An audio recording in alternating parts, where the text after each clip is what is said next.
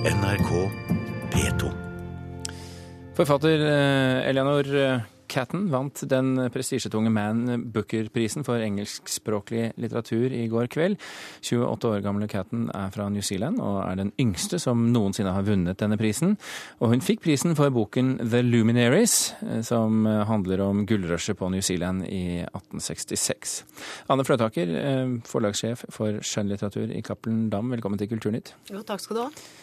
Hvor mange timer eh, før nyheten kom om vinneren hadde gått siden du hadde booket denne, eller, eller eh, fått rettighetene til Før vi boken? underskrev kontrakten, Ja, liksom. Før ja. forfatteren faktisk sa ja til å komme ut hos oss. Det var klokka fem i går. Og klokka ti ble prisen delt ut. Ja, så fem timer, altså. Ja. Har du noen gang vært så tight i tid? Ikke fullt så tight, men jeg har vært veldig tight med ja, fire ganger før, faktisk. Har jeg kjøpt boka dagen før omtrent. Når du som forlegger sier 'kjøp boka', så mener du rettighetene, ikke sant? Rettighetene til boka, ja. Er du spesielt god på dette? Eh, Det virker som jeg har teft på akkurat hvem som skal få Booker-prisen. Jeg hadde I fjor eh, så gikk jeg rundt på Frankfurt, i Frankfurt sammen med en annen forlegger som spurte meg hvem får prisen i år, hvilken bok har du kjøpt? Og så sa jeg nei, ingen, for det er Hilde Mantel som kommer til å få den, og hun er allerede kjøpt i Norge. og det var riktig. Ja. Så nei, jeg vet ikke. Jeg har flaks der. Flaks, ikke fire, ikke når det var fire bøker. Nei, flaks og teft. Flaks og teft. Hva er det du ser etter når du, eh, når du prøver å finne ut hvem det er som får prisen? Det er et veldig vanskelig spørsmål, fordi eh, det blir så personlig. Egentlig så, så ser jeg på hvil, hva jeg liker selv. Jeg leser stort sett de bøkene som er nominert.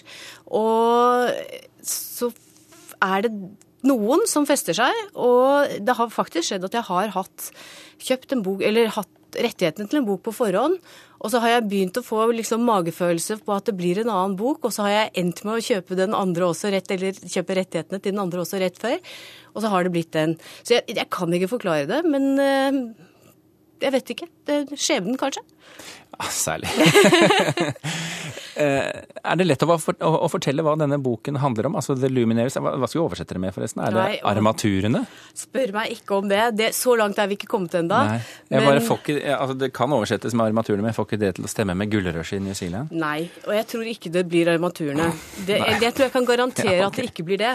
Men hva er det som gjør det til god litteratur? Åh, Det som gjør det til god litteratur, er måten den er skrevet på, hvordan historien er fortalt. Den følelsen eh, hun skaper i eh, deg som leser. Og eh, jeg leste et eller annet sted, når hun snakket om boken selv, at hun sa eh, at det, hun, det som, henne, som hadde inspirert henne til å skrive denne boken, det var at hun ville skrive 'Nattehimmelen'. Og det, det syns jeg var så utrolig spennende sagt.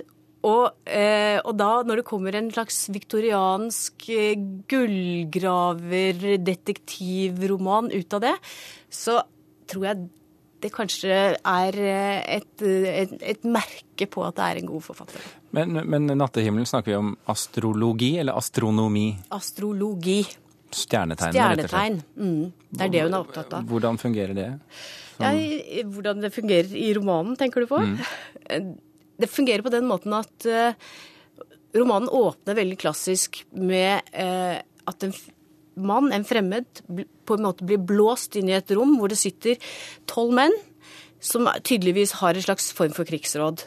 Og han eh, kommer inn og begynner å prøve å bli kjent med hva som skjer i, mellom de andre mennene. Det er tolv menn som eh, forteller hver sin historie. Det er tolv stjernetegn.